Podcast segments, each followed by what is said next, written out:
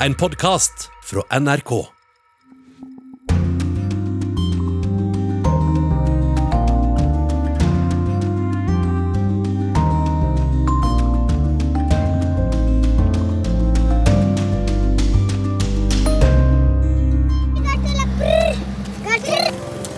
Noen av barna forsøker å leke sammen. Mellom telt og blikkskur på en støvete grusvei løper de etter hverandre. De er noen av de nærmere 300 000 afghanere som har flyktet etter Talibans offensiv og USA og Natos tilbaketrekning. FN frykter at det kan bli mange flere. Rystende skildringer denne uka fra politifolk som opplevde stormingen av Kongressen. My, myself losing oxygen and recall thinking to myself, this is how I'm going to die, defending this entrance. Du skal få møte skipsspotteren i Istanbul. Med sin telelinse rettet mot Bosporos-stredet kan han forutse økt spenning internasjonalt. sometimes we get to see things with some careful observation. Um, before they happen, we can witness it. Du skal også få bli bedre kjent med vår Afrika-korrespondent. Jeg hadde min første reise til Afrika og til Tanzania. Da var jeg vel eh, ja, i slutten av 20-åra, var på safaritur. Dette og mye mer i denne timen ute i verden. I studio Anja Strøm. Men først i sendingen til viruset som angår absolutt alle i verden. Men mens de aller fleste nordmenn sier ja til å ta vaksine mot korona helt frivillig, så er situasjonen en ganske annen andre steder. Myndighetene både lokker med belønning og truer med tiltak for å få folk til å vaksinere seg. Og slik beskrev USAs president Joe Biden situasjonen denne uka. What is happening in America right now is a pandemic, a pandemic of the unvaccinated. Let me say that again. Det som skjer i Amerika akkurat nå, er en pandemi av de uvaksinerte. 90 million Americans. Det er nå omtrent 90 millioner amerikanere som kan få vaksinen, men som ikke har tatt den ennå. Samtidig vet vi at nesten alle dem som blir lagt inn på sykehus og som dør av covid-19 nå, er folk som ikke er vaksinerte. Det sa USAs president Joe Biden da han denne uka lanserte nye tiltak i kampen mot koronasmitten. I USA er så langt rundt 60% av befolkningen fullvaksinerte. Men dette er langt fra nok for å stanse nok en smittebølge, mener presidenten. Han lokker med 100 dollar til dem som tar vaksinene, og sier også at offentlig ansatte som ikke er fullvaksinerte, nå må bruke munnbind og teste seg regelmessig. Dessuten ber Biden Forsvarsdepartementet om å vurdere å innføre obligatorisk koronavaksine for alle medlemmene av det amerikanske forsvaret. Frem til nå er det stort sett gulroten som er blitt brukt for å få folk til å vaksinere seg mot korona. Men med nye og mer smittsomme virusvarianter og økende smitte hentes pisken frem i stadig flere land. Også i Europa tyr stadig flere politikere til metoder som legger mer press på uvaksinerte pour nous protéger et pour notre unité, nous devons aller vers la vaccination de tous les Français. For å beskytte oss må alle franskmenn vaksinere seg, sa Frankrikes president Emmanuel Macron 12.07. Des Og han fortalte videre at den franske nasjonalforsamlingen nå krever at alle som jobber i helsesektoren, vaksineres innen 15.9. Ellers risikerer de å bli suspendert. Men vaksineskepsis har lenge vært utbredt i Frankrike. Og de som er imot politikernes tiltak, har latt høre fra seg. Frihet, stopp diktaturet, menneskerettigheter var noen av parolene da 114 000 mennesker demonstrerte i Paris, Marseille, Avignon og en rekke andre franske byer nå i sommer.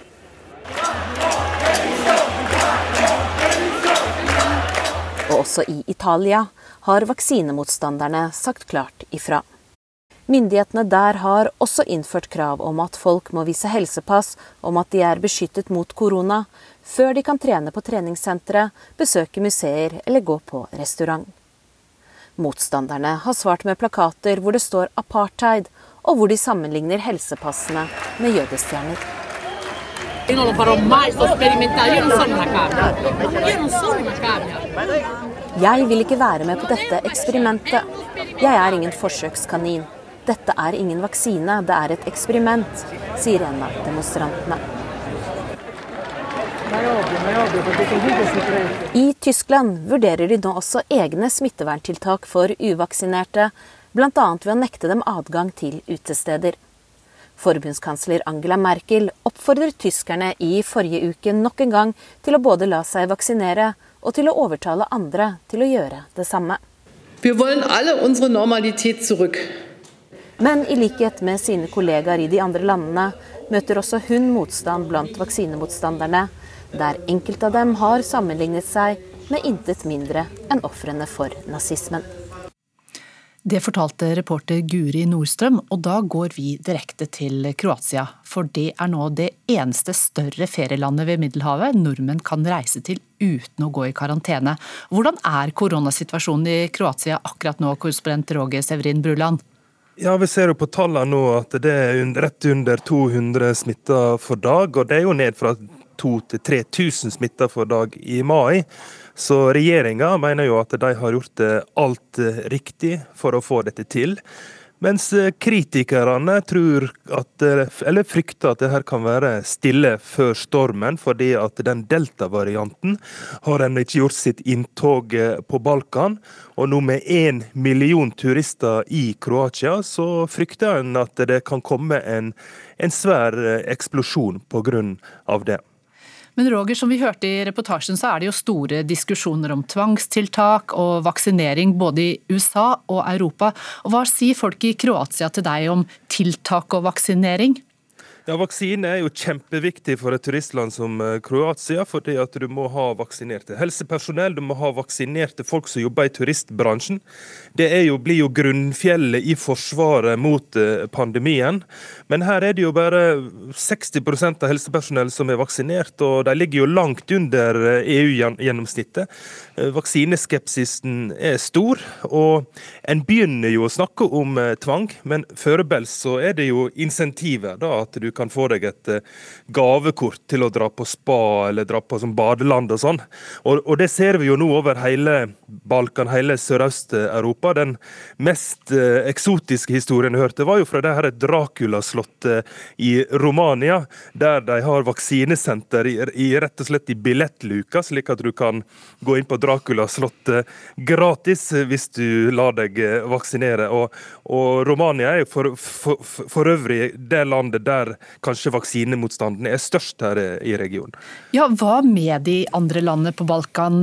Hvor positiv eller negativ er de til vaksinering og ikke minst restriksjoner? Ja, men Vi ser det over hele østblokken, fra Polen i nord til Hellas i syd. Land som har hatt eh, diktatur i vår eh, nyere historie, der tilliten til staten og og informasjonen som, som myndighetene gir, er svært lav. Der er også eh, vaksinemotstanden stor, eh, skepsisen stor. og og det her falske nyheter på sosiale medier har, har, veldig gode kår.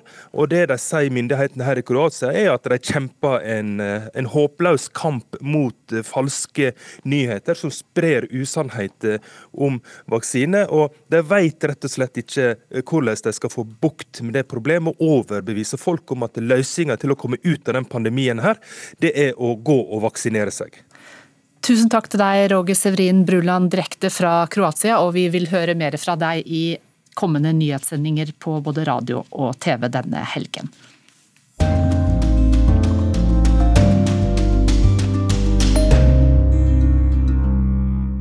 Talibans offensiv i Afghanistan etter USA og Natos tilbaketrekking er ventet å sende mange afghanere på flukt, og allerede nå så ser FN den første strømmen av flyktninger.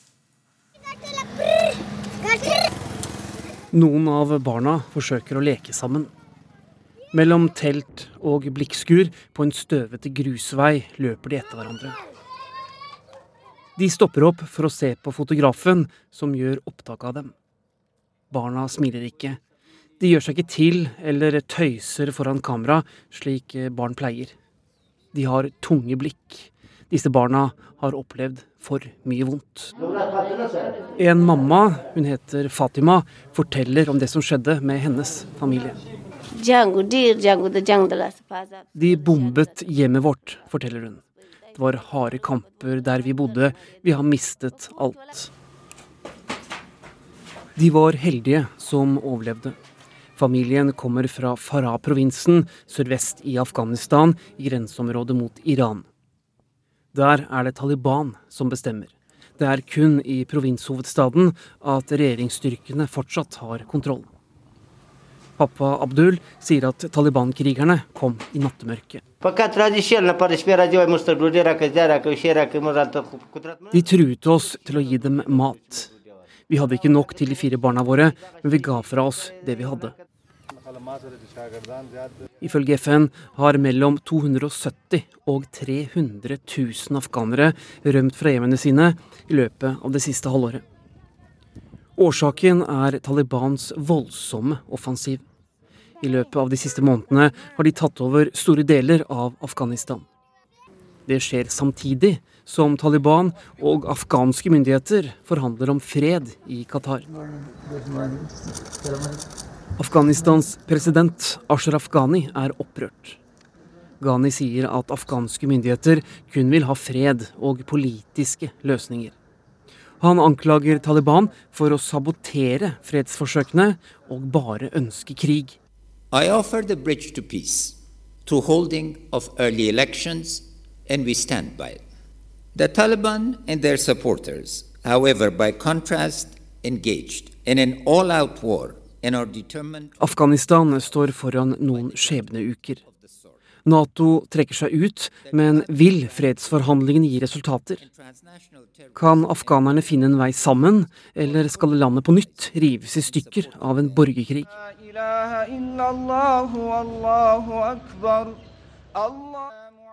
Et videoopptak tatt for noen dager siden gir et godt bilde av hvordan det er i Afghanistan akkurat nå. Sammen med sine medarbeidere hadde president Ghani gått ut for å be foran presidentpalasset. Under bønnen startet et angrep.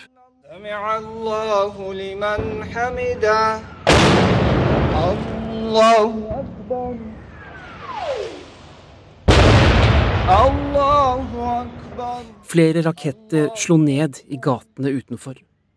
I et annet land hadde folk løpt i dekning, men ikke her. Presidenten ble sittende.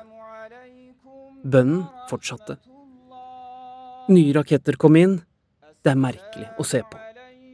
Har folket her virkelig blitt så vant til krig at de har sluttet å bry seg om den?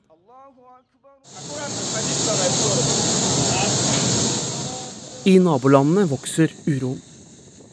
Nord for Afghanistan ligger de tidligere sovjetrepublikkene Tadsjikistan og Usbekistan. De siste dagene har Russland sendt 1500 soldater dit og ned til grenseområdene mot Afghanistan. Det skal holdes militærøvelser, men samtidig sender russerne en tydelig beskjed til både Taliban, terrorgruppen IS som er i Afghanistan, og den afghanske regjeringen. Ikke ta med dere krigen deres inn til våre områder.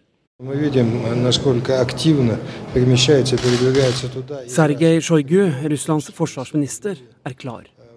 Truer dere oss eller noen av våre allierte, kommer det en reaksjon. Tilbake hos firebarnsmammaen Fatima fra Farah-provinsen. For henne handler det om å overleve og ta vare på de fire barna sine. Det er ikke så lett. De har nesten ikke mat og har mistet alt. Likevel har hun et håp. At mange tiår med krig er nok. At afghanerne griper sjansen og skaper fred sammen, i stedet for å drepe hverandre. De orker ikke mer av krig, død og lidelse. Det fortalte reporter Eirik Veum, og vil du bli litt klokere og forstå situasjonen i Afghanistan, så les Veum sin forklarer på nrk.no nå.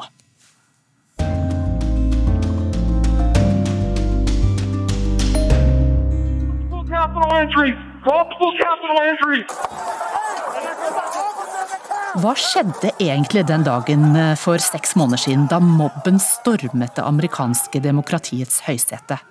Vi så bildene og videoene, men denne uka så begynte en høring om stormingen av Kongressen, hvor de berørte som var til stede, fortalte sin historie. Her er en av politimennene.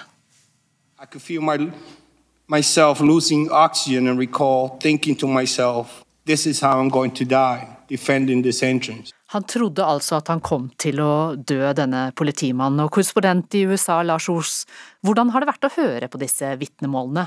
Det har vært fire politibetjenter som har fortalt ganske Jeg vil nesten si litt grusomme beretninger om eh, det som skjedde den 6. Eh, jeg har sjøl vært inne i Kongressen mange ganger, og så har jeg vært nede i disse små tunnelene som vi har sett alle de videoene ifra, der du har et titalls eh, politibetjenter som står og presser imot 20-30 tilhengere på utsida som prøver å klemme seg inn, og helt i midten der så har du han ene politibetjenten som, som skriker for livet sitt. Og det, og det, å sitte og se på de videoene, og så høre han eh, ordlegg hvordan han følte det, og, og, og nesten bli klemt i hjel der, det, det, er veldig sterke Eh, det er veldig sterkt å, rett og slett eh, høre på det. Vi skal høre litt fra en annen politimann også. Michael Fannon forteller at han følte han dro til helvete og tilbake for å beskytte folk i bygningen. I feel like I went to hell and back to protect them and the people in this room. But too many are now telling me that hell doesn't exist or that hell actually wasn't that bad.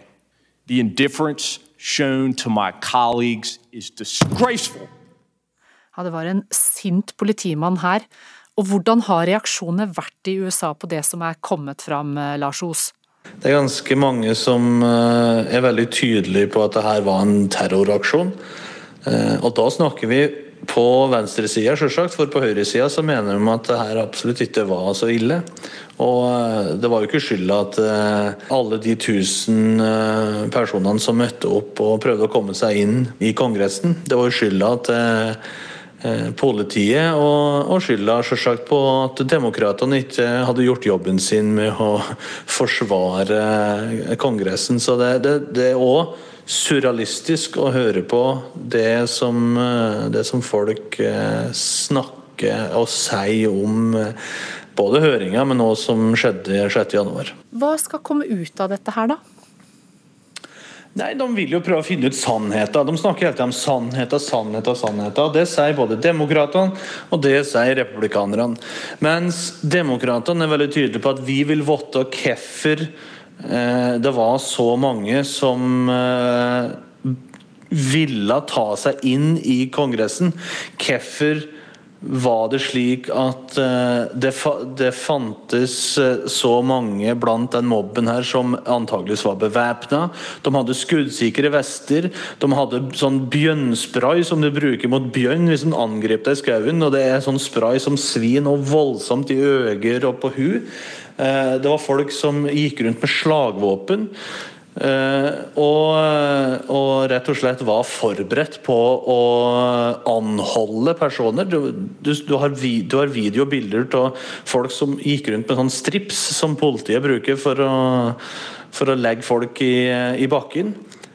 Og så har du republikanerne på den andre sida som uh, lurer på hvorfor i alle dager var ikke politiet godt nok forberedt? Hvorfor uh, var ikke Nancy Pelosi, som dog er speaker of the house, og, og på en måte den øverste lederen for uh, Kongressen. Hvorfor var ikke hun forberedt? Hvorfor gjorde ikke hun noe mer med det her? Eh, de visste jo at eh, det kom til å komme mye folk til, til Washington DC den dagen. Det er etterretningsrapporter som tilsier det. Hvorfor gjorde de ikke noe med det? Så Republikanerne vil jo på en måte skylde på demokratene. Eh, så det er to leirer, to politiske leirer som har én fot i hver sin virkelighet. Takk skal du ha, USA-korrespondent Lars Os.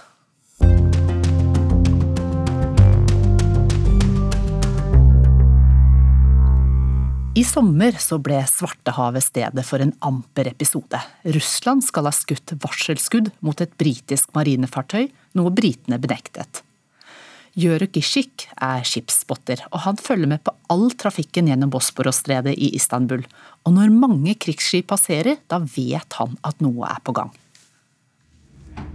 Jeg går på en ferge i Besiktas og tar den halvveis oppover Bosporostredet til Istinie. Der finnes det en kafé der det er perfekt å følge skipstrafikken fra. Og det er der Joruk Ishik vil treffes. They're Russians' new corvettes, Buyan M corvettes. Very small, very fast, good ships. They... I snart ti år har han fulgt med på alle slags skip. Oljetankere, lastebåter og ikke minst krigsskip som går gjennom det 31 km lange stredet som deler Istanbul mellom Europa og Asia. Hvorfor driver han med det?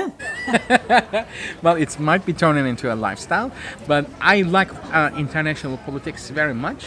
I'm trained as an international uh, relations expert. Ja, det er kanskje blitt en livsstil, men jeg er utdannet innen internasjonal politikk og er spesielt opptatt av Russland og russisk utenrikspolitikk og deres forhold til verden. Trafikken gjennom Bosporosstredet er direkte knyttet til dette. Og dessuten liker jeg skipstrafikk, og jeg elsker hjembyen min Istanbul. Og alt dette forenes akkurat her i Bosporos, sier Jøruk Ishik. Bare noen hundre meter fra oss siger det ene containerskipet etter det andre sakte forbi. Nå ser vi et rødt skip med konteinere i tre etasjer. Som på refleks tar han opp kamera ett med kraftig hvit telelinse, og tar kjapt et par bilder av skipene. Nå ser vi et grått marinefartøy fosse oppover stredet. Det er tyrkisk, forklarer Ishik mens han knipser i vei. I slutten av juni tok han flere blinkskudd som gikk verden rundt. Da var det britiske krigsskipet Defender på vei til Svartehavet. Like etter kom rapporter om at russiske jagerfly og marinefartøy hadde skutt varselskudd mot den britiske jageren. Britene benektet imidlertid dette. You know, Men hvordan kunne Defender seile rett inn til Svartehavet for å tirre Putin, spør jeg. For i henhold til Montreux-avtalen av 1936, som regulerer trafikken her, kan vel ikke marinefartøy fra Nato-land uten videre seile dit? The passage of warships, it's not limited. They have to just notice in and every country, including Black Sea countries, have to notice Turkey because Turkey is does not decide, but it's the implementer of the treaty. So Mange krigsskip kan passere, men de må gi beskjed til Tyrkia 15 dager i forveien, og så må de forlate Svartehavet etter 21 dager. Så lenge alt er innenfor Montreux-avtalen, så sier Tyrkia ja. Men hangarskip og ubåter kan ikke ta seg inn til Svartehavet. Det kan heller ikke marineskip over en viss størrelse, forteller Ishik. Fra leiligheten jeg bor i, har jeg utsikt over inngangen til Bosporosstredet, og følger også ivrig med. Se her, sier jeg, jeg tok et bilde av dette krigsskipet på vei ut fra stredet, på vei mot Middelhavet. Yeah. Uh, let me put on my glasses. Ah, this is the Dutch ship. This is uh, yes, this is Dutch ship HNLMS Evertsen. So this was this is traveling with the HMS Defender. It connects to the first group. Dette er det nederlandske Evertsen som reiste med den britiske Defender til Svartehavet. And this Dutch ship is assigned. Det er med i gruppen til Defender. Som et leksikon forklarer Jøruk Ishik alt om skipet og oppgavene det har. Skipspotteren med den krøllete hårmanken merket at russerne hadde planer i Syria i 2015. Yes, um, sometimes we get to see things with some careful observation. Um, before they happen, we can witness it. We saw the Russian military ships uh, number significantly increasing, and it was really an increase almost week by week. You know, like Å se russiske krigsskip her er ikke uvanlig. Men før Russland gikk inn i Syria-konflikten, så vi plutselig mange flere. Vi kunne se to-tre per dag. Da forsto vi at noe var på gang. For du kan følge verdenspolitikken herfra, sier han ivrig. Også etter at Joe Biden flyttet inn i Det hvite hus, har aktiviteten økt. That's true. The early days of Biden, I think Biden wanted to give message that the old America is back and the Trump administration is over and they want Jeg tror president Biden ville sende en beskjed om at det gamle USA er tilbake, og at Trumps tid er over. Biden kalte jo til og med Putin for en drapsmann. Og 2021 begynte med tung amerikansk tilstedeværelse her. Nivået var like høyt som da Russland annekterte Krimhalvøya i 2014. Like we were seeing one ship come in, one ship leaving, and immediately another ship. Et amerikansk skip seilte inn, og da det måtte ut etter 21 dager, kom et annet inn. Dette fortsatte til møtet mellom Biden og Putin i Genéve i midten av juni. Da roet ting seg noe ned. Men nå har Nato økt aktiviteten igjen. Joro Kishik tror at det er for å gi Russland en beskjed om at etter at landet annekterte Krim, vil ikke Vesten akseptere mer russisk ekspansjon i regionen. Men hvordan får du fulgt med om natten, spør jeg. Yes, a couple of my friends. There are other uh, ship spotters in Istanbul. We, you know, exchange information and we exchange photographs and. Vi er flere skipsspottere i Istanbul. Vi sender hverandre beskjeder når vi ser spesielle skip, og vi har satt opp kameraer, så om noen sover, så har vi bevis på hva som har skjedd i løpet av natten. Med all denne kunnskapen, har du fått jobbtilbud fra etterretningstjenester? spør jeg. No, no uh, I think you know this is a new world. It's kind of this is that's why it's called open source intelligence. And Det vi driver med, er åpne kilder. Det er informasjon delt av vanlige borgere. Det samme som Bellingcat driver med når de avslører menneskerettighetsbrudd. in more closed societies, there is a Uh, like you know, Russians. They Men i mer lukkede samfunn er dette kanskje vanskelig å forstå, for de tror at åpen informasjon som dette er iscenesatt av vestlige etterretningstjenester.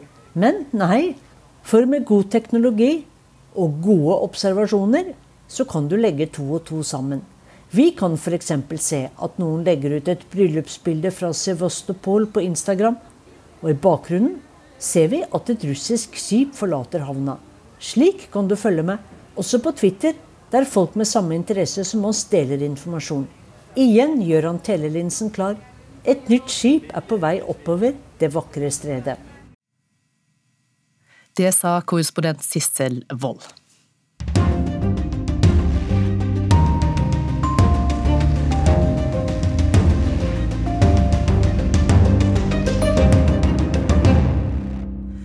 Varmere, våtere, villere. Klimaekspertene slår alarm foran klimatoppmøtet i Glasgow til høsten. En fersk britisk rapport bekrefter en alvorlig utvikling også i Storbritannia. Og nå må verdens ledere, og toppmøtets vert, Boris Johnson spesielt, skjerpe seg, mener eksperter som følger forberedelsen til dette toppmøtet.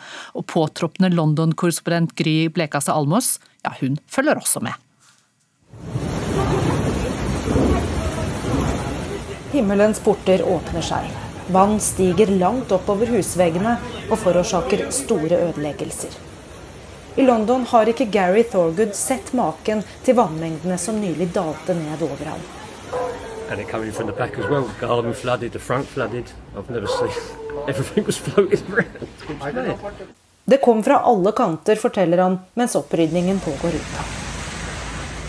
Klimaendringene har for lengst nådd Storbritannia.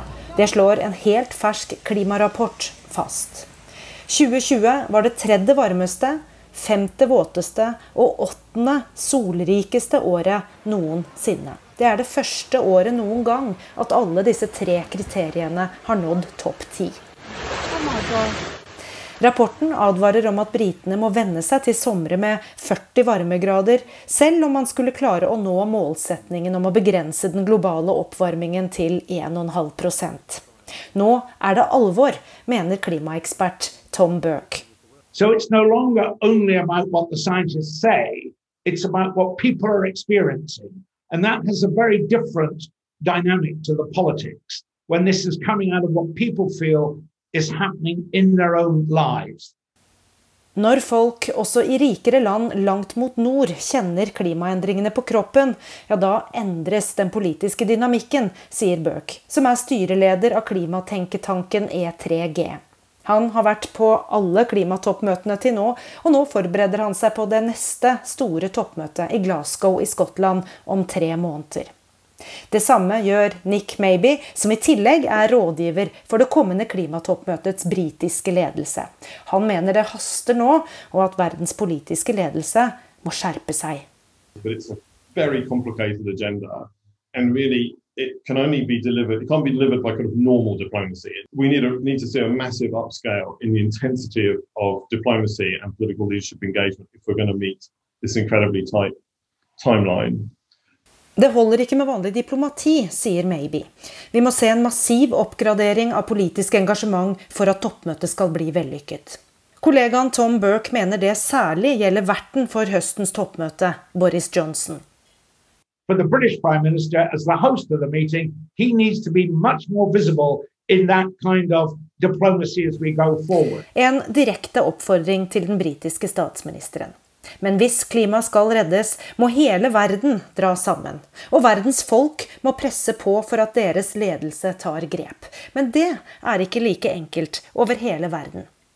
To be honest, in a lot of countries where the main emissions are, civil society and the public are highly repressed. And they find it very hard to, to do a Greta Thunberg. Det er ikke bare å ta en Greta Thunberg i land der folk undertrykkes av autoritære regimer, mener Maybe. Men det er likevel håp. Burke mener det er en kamp mellom fysikk og politikk, der politikken ikke kan vinne. The physics of what's happening in the climate will drive events that will mobilize populations in all kinds of levels in democratic and in autocratic countries. So, in a sense, there's no escaping for any government from the fact that the physics is going to march on, whatever domestic problems or political problems you're dealing with, and that the pressure from your public as it deals with the consequences is going to grow. Now, can that happen fast enough for us to do things in time? That's a very open question. But what's not an open question is that physics will win that battle at the end of the day.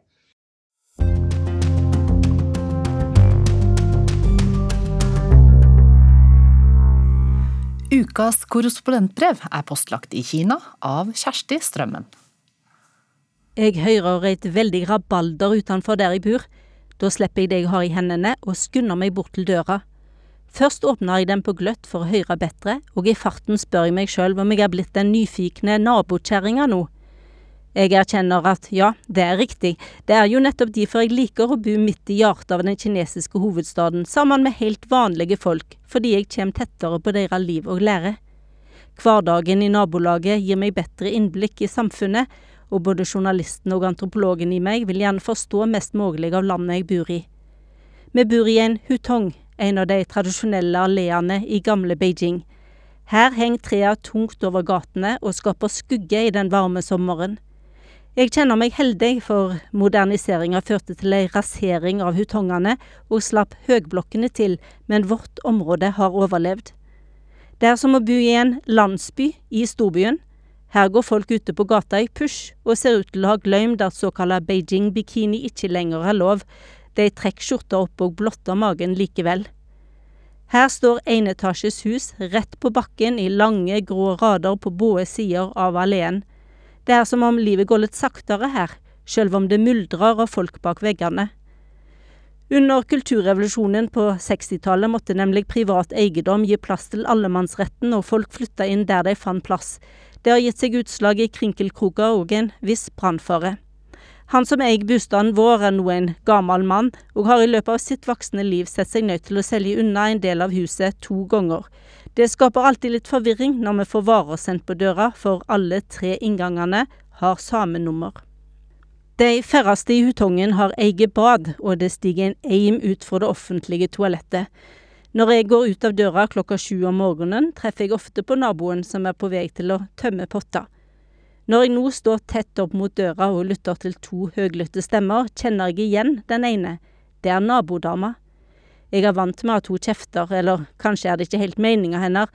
Hun har fortalt at hun tidligere jobba i telefonsentralen, og at nivået på lyden der var så høyt at hun fikk svekka hørsel. Det er godt mulig at hun derfor ikke veit hvor sterk stemme hun bruker når hun snakker, men når jeg hører det gjalle rundt hushjørnet, ser jeg ofte for meg tegneserien Donald. Der blir den som får unngjeldet, kasta tilbake av krafta, som om stemmen kan fungere som et stormfullt vindkast. Noen ganger skjer det klokka fem om morgenen, der den milde røysta til mannen hennes, han med potta, nærmest fungerer som en buffer. Kineserne har for vane å snakke høyt. Jeg har ofte lurt på om det er fordi det er så mange at de må heve røysta for å bli hørt, eller fordi Kina har vært ei stormakt og nå har inntatt posisjonen igjen. Eller kanskje det har med Kinas fortid å gjøre, for under kulturrevolusjonen var det neppe lurt å kviskre, det kunne bety at en hadde noe å skjule. Og de som gjør det nå om dagen, er de som kviskrer om at dagens Kina minner dem om nettopp kulturrevolusjonen. Nå er Kinas tystere og overivrige naboer med lange ører i stor grad blitt erstatta av et digitalt overvåkingssamfunn. Likevel, kommunistpartiets fotsoldater ber fremdeles røde armbind og patruljerer gata når det er viktige ting som skjer i byen. Paret vegg i vegg med meg er blant de ivrigste. Der står jeg altså i døra og lytter til en krangel som nabokvinna er en del av. Jeg blir så nyfiken på hvem mannspersonen er, at jeg åpner døra og stiger ut på gata. Jeg blir raskt innlemma i den oppheta situasjonen. Det viser seg at mannen jeg hører, er vaktmester til en av naboene, og han har jammen meg forsynt seg med blomster som nabodama har satt utenfor døra. Jeg trodde de sto der fordi de skulle bli kasta, sier han, og ber om årsaking, men orda faller på steingrunn. For den vesle kvinna er forklaringa hans så frekk at hun nærmest hopper opp og ned, og stemmen hennes stiger flere hakk høyere. Hvorfor skulle jeg nå kaste så fine blomster, i krukke og allting? Roper hun. Mannen forsvinner med halen mellom beina. Jeg tok han på fersk gjerning, sier nabokvinna til meg, og gjentar at hun ikke har sett maken til frekkhet. Nå tar hun plantene med seg og låser dem inn bak egen dør. Oi, så dumt, sier jeg, de pynta jo så fint opp her. Det mener jeg helt oppriktig, og skulle ønske blomstene kunne forstå. Samtidig er det viktig å ha et godt forhold til sine nærmeste naboer, jeg er derfor nesten alltid sammen med henne. Hun er egentlig veldig snill, men får de fleste til å stå skolerett. Folk som parkerer rett framfor vårt felles inngangsparti, risikerer å få politiet på nakken. Hun nøler ikke med å ta en telefon til lovens lange arm, men er noen ganger oppgitt over at de ikke prioriterer ærendet. Jeg har sett voksne karer nærmest gå bakover med bøyd hoved etter å ha blitt irettesett av henne for å ha slengt fra seg motorsykkelen slik at den sperrer for oss. Parkering er et problem for de fleste i Beijing, og bileiere som bor i Hutongen er derfor blitt svært kreative. De tar i bruk sykler, kjetting og ulikt annet rask, og plasserer disse utenfor huset for å hindre at andre stikker av med parkeringsplassen. Noen har bilene stående i lang tid med presenning over. Andre plasserer fjøler før dekker på bilen for å hindre at hundene pisser på dem. Naboene mine har sin egen vaktbikkje. Den er en blandingshund med underbitt. I begynnelsen var hunden svært skeptisk til meg. Den knurra og glefsa når jeg gikk forbi, men i det siste har den slutta å bry seg, kanskje fordi jeg har så god tone med eierne. Når nabodama kommer hjem fra frisøren, gir jeg henne alltid kompliment, og jeg slår alltid av en prat med mannen. Han forteller at han jobba på skip da han var ung, han seiler opp langs kysten av Norge også, selv om han aldri gikk i land. Noen ganger kommer han ut som en reddende engel når vi har vært på tur og har en hel haug med bagasje som skal inn dørene. Bilførere som kommer bak blir fort irriterte over at vi sperrer veien mens vi frakter inn eiendelene. En gang svarte jeg med at det var vel ikke noe å hisse seg oppover. Det var som å kaste eld på glørne. Denne måten å gjøre ting på, det går kanskje der du kommer fra, men her i Kina har vi egne regler, og dette er ikke greit, raste mannen i bilen bak. Da er det godt å ha naboen som dukker opp med sin milde stemme og sitt store smil og tar brodden av de arge bilførerne. Jeg har sansen for å bo rett på bakken, men det siste året har det vært vegarbeid i nabolaget om nettene, og da rister hele senga. En natt ville jeg ut og gi beskjed om at nok er nok, men tenkte at svaret ville bli Wale remmen fo, vi gjør det for folket. Denne gangen ble det annerledes. Midt i veien sto det ei sped kvinne og sperra for veimaskinen. Hun nekta å flytte seg før de avslutta arbeidet, for de hadde ikke varsla naboene, og da var det ikke lovlig, mente hun. Et arr i asfalten minner meg om denne natta, da jeg ble vitne til en hverdagsprotest, for slikt går ofte under radaren her i Kina. Og så må jeg røpe at han som stakk av med blomstene, nå gir bot. Når naboene er borte, legger han små gaver inn porten. Slikt får jeg sjølsagt med meg, som den nyfikne nabokjerringa jeg har blitt. Sa Kjersti Strømmen, og da er det tid for sommerspesialen.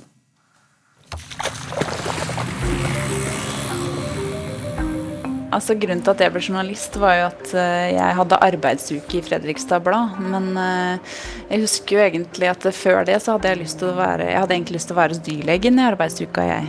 Å bli dyrlege. Nå i sommer skal du bli bedre kjent med NRKs korrespondenter rundt i verden. Både nåværende og nye. I vår sommerspesial fra NRK Urix. I dag Ida Titlestad Dalbakk. Jeg dekker Afrika sør for Sahara, som er nesten 50 land, og jeg bor i Cape Town. Ida, hva er ditt sommersted? Mitt eh, sommersted det er Herføl på Hvaler. Ehm, det er den ytterste øya som ligger ut mot eh, Sverige og Danmark og havgapet. Og der har jeg vært eh, nesten hver sommer siden jeg ble født. Ehm, bortsett fra kanskje i fjor, da jeg satt innelåst under lockdown i Sør-Afrika. Så det er mitt sommersted.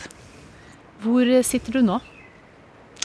Nå sitter jeg på verandaen og ser utover uh, havet i uh, Cape Town. Det er litt sånn stormvær i dag. Store bølger og masse skum som kommer innover mot landet her.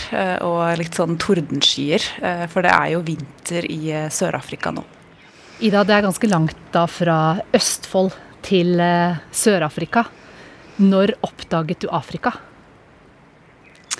Jeg hadde min første reise til Afrika og til Tanzania. Da var jeg vel eh, ja, i slutten av 20-åra. Var på safaritur eh, og syntes eh, det var fantastisk å besøke dette Ngorogoro-krateret i Tanzania, hvor vi hadde løver som kom tassende helt opp til bilen, og som la seg i skyggen av safaribilene.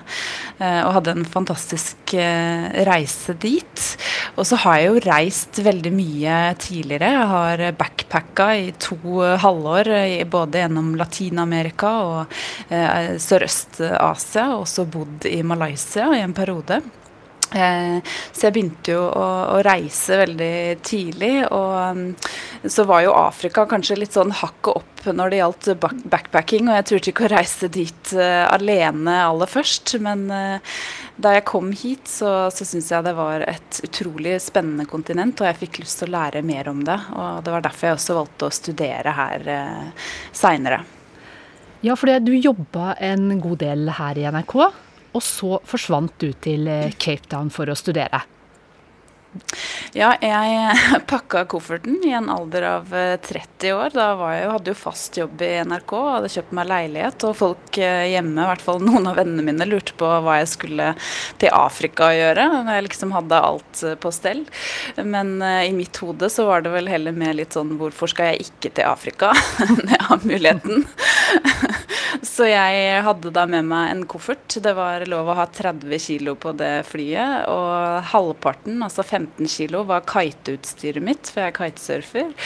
Og den andre halvparten var liksom T-skjorter og bukse og joggesko. Um, var, jeg, da var du klar for studier?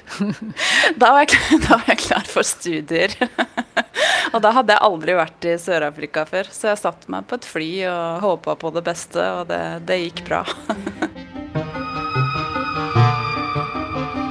Da du var student, så gikk du på et ganske kjent eh, universitet i, Cape Town. Og det brant for ikke så lenge siden. Og der rapporterte du. Vi skal høre litt fra det.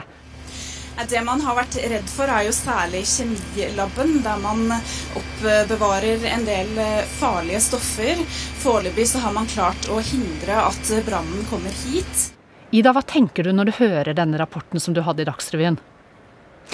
Jeg tenker jo på hvordan det var å stå der foran alle disse flammene med helikoptre som fløy over hodet mitt, og uh, oransje flammer og svart røyk som kom ut av vinduene på det universitetet som jeg hadde gått i, uh, i tre år da, og studert her i Cape Town. Det var absurd å se uh, biblioteket stå i fyr og flamme rett bak meg, og vi kom jo også veldig tett opp til. Vi sto bare noen meter unna.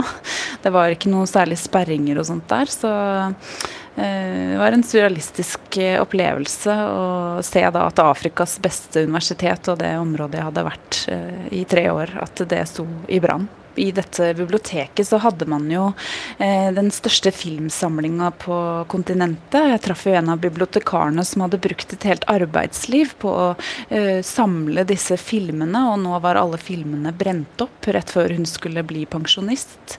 Um, og 80 000 bøker eh, da fra kontinentet dette. Og eh, ja, historie da fra apartheid-tiden og, og, viktige dokumenter som bare gikk opp i røyk. Eh, og det er jo som om biblioteket på Sorbonne eller Oxford eller Harvard skulle brent opp. Dette er jo ja, Afrikas beste universitet, da. så det var en stor, har stor betydning for kontinentet. Er det en eh, spesiell historie som har gjort ekstra inntrykk? Det som gjorde ekstra inntrykk, var jo det møtet jeg hadde med eh, Når jeg lagde denne saken på det muterte viruset i Durban i Sør-Afrika. Her eh, gikk vi jo inn på en avdeling for covid-smitta i fullt beskyttelsesutstyr. Det var et sånt kommunesenter som var gjort om til et, et rom for covid-pasienter. Veldig enkelt sted med noen senger senger som var satt opp. Um, og i en av disse sengene så lå det da en mann i en sånn blå overhold. Um, og han fortalte at han hadde blitt smittet av dette viruset av svigermoren sin, som nå var død og at han hadde gravlagt begge foreldrene sine bare tre dager før vi møtte ham. Og det var en veldig spesiell situasjon å stå der. For jeg hadde på meg så mye sånn beskyttelsesutstyr da, at jeg hørte jo nesten ikke hva han sa. Eh, så jeg hadde jo to masker, og jeg hadde sånn plastskjold over ansiktet og hette. Så eh, da denne mannen prøvde å fortelle om at han hadde mista halve familien sin, så måtte jeg liksom Sorry, what did you say? Can you repeat that? Eh, eh, og det var eh, veldig ja, spesielt da, eh, å, å, stå der i den situasjonen og, og, be denne mannen gjenfortelle liksom hva som hadde skjedd. Um, og så møtte vi jo sønnen hans utenfor, som hadde kjørt ham til sykehuset. Og som var veldig redd da, for å miste faren sin fordi han da hadde mista tre besteforeldre på eh, en ukes tid. Eh, og så kom vi da tilbake for å redigere denne saken tilbake i Cape Town. Og da sendte jeg da en SMS til denne sønnen eh, og spurte går det bra med faren din. Vi skal bruke intervjuet hans i, i saken nå. Og da fikk vi da SMS om at han var begravet uh, samme dag. Um, og det kom jo som et sjokk da på meg og Trygve, som satt og redigerte dette intervjuet med, med faren. Og så bildet av ham på skjermen foran oss, og så fikk vi denne beskjeden. Så det var uh, et spesielt og ganske brutalt møte med virkeligheten. Men som korrespondent, Ida, så kommer du tett på folks skjebner og historier. Hva gjør du for å bearbeide det du ser og hører? At det som fungerer fint for meg, er jo det å dele det med andre. Da jeg var i Malawi nå nylig, så reiste jeg med en fotograf som het eh, Eaton. Eh, og da snakka vi jo en del når vi kjørte bil mellom disse opptakene. Det er jo tøffe møter med, med mange, og man reiser jo dit for å fortelle sterke historier. Og da kommer man jo veldig nært på mennesker som man da også bare reiser fra, som man vet at man trolig aldri kommer til å se igjen. da. Um, og da syns jeg det er fint å kunne dele dette med, med, den man jobber sammen med, og med kollegaen, da, eh, eller fotograf som man er ute med. Um, så det, det er, fungerer fint for meg å, å snakke om det, og, og, også snakke med folk hjemme etter de turene jeg har vært på. Og så prøve å koble av når jeg har uh, vært på disse turene etterpå. Og du kobler sikkert da når du er hjemme i leiligheten, og jeg hører at det er litt sånn ekstra lyd i bakgrunnen hos deg nå, Ida. Hva er det som skjer egentlig? Nei, nå er det en uh, mann som står her og ordner med et svømmebasseng. Uh, han uh, driver og ja, drar av en sånn presenning. Jeg vet ikke helt hva han driver med. Man vet aldri hva som skjer, og jeg har skjønt at du får deg av og til en overraskelse når du skal rapportere på direkten, for pga. sikkerhetssituasjonen så kan jo ikke du ta med kamera hvor som helst og stelle opp i byen, men da blir det jo gjerne sånn at man rapporterer fra der man bor når det er noe som, som skjer der og da. Og da har jeg forstått at du har hatt litt artige opplevelser. Ja, ja, jeg hadde en episode her med eh, naboen min, som er eh, nigerianer. Han heter King. Eh, og han eh, Ja, han har en sånn der svart silkeslåbrok da, hvor det står King i gule bokstaver bak på ryggen. Og da jeg skulle gå live her under Nobel, siste nobelprisutnevnelsen, eh, så sto jeg da klar på verandaen, og så gjorde jeg et sånn siste gløtt over skulderen. da. For å se om eh, det var noe bak meg, for det gjør jeg liksom alltid. Og, og da så jeg at naboen min sto i boksershortsen ute på verandaen sin.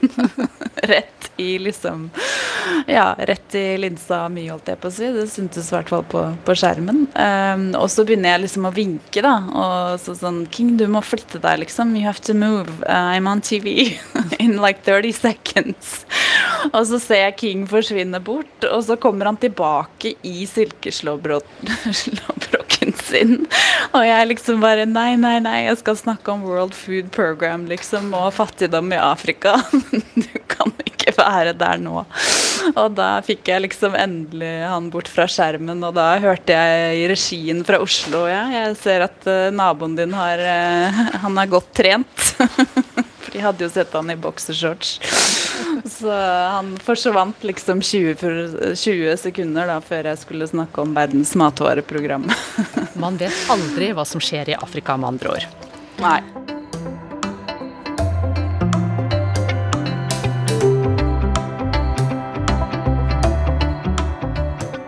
Men eh, hva er det folk kan vente fra ditt kontinent eh, neste halvår, tror du, Ida?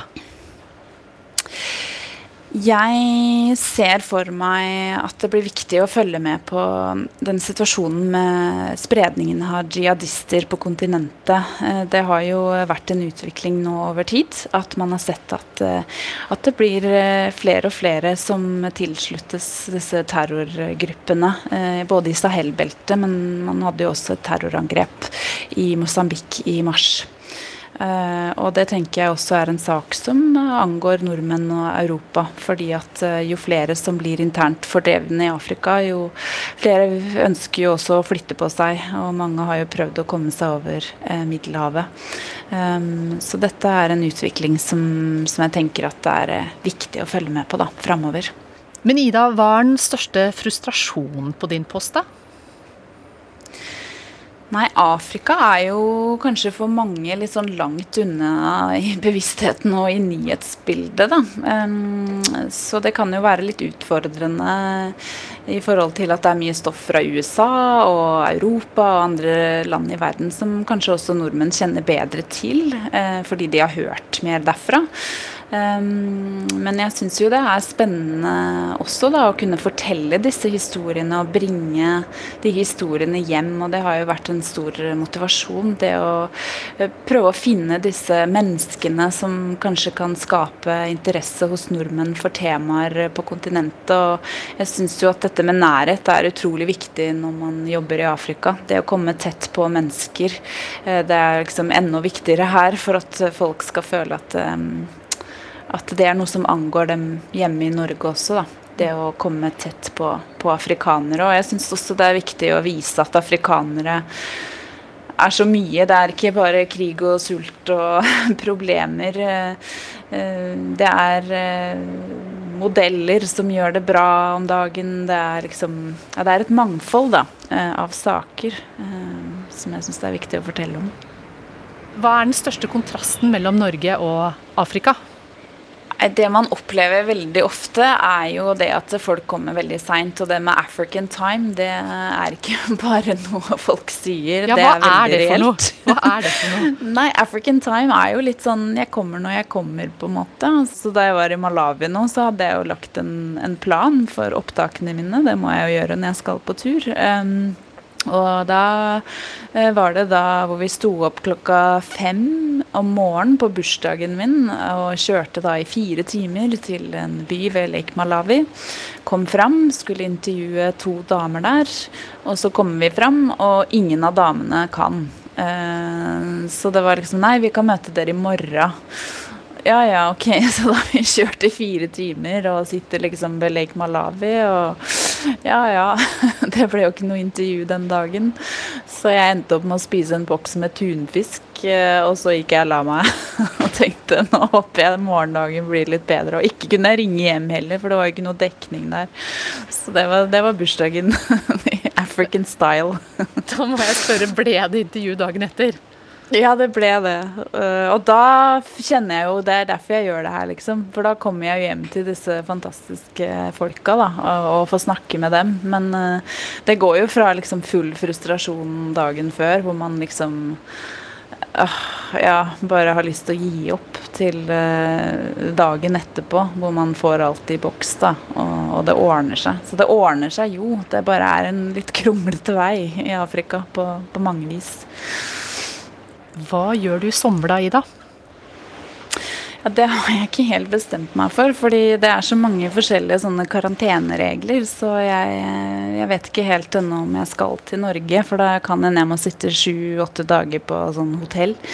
Eh, men jeg skal ha ferie. Eh, så om det blir eh, herføl og myggstikk og måkeskrik, det, det, vet jeg ikke ennå. Men uh, ferie skal det bli, så får vi se hvordan restriksjonene er.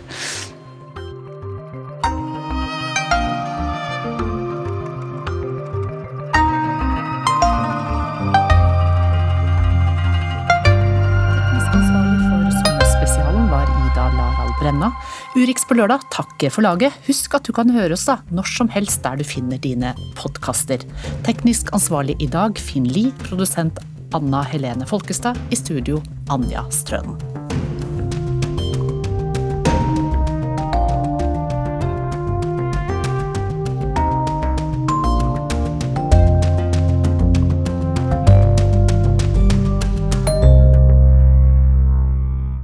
Du har hørt en podkast fra NRK.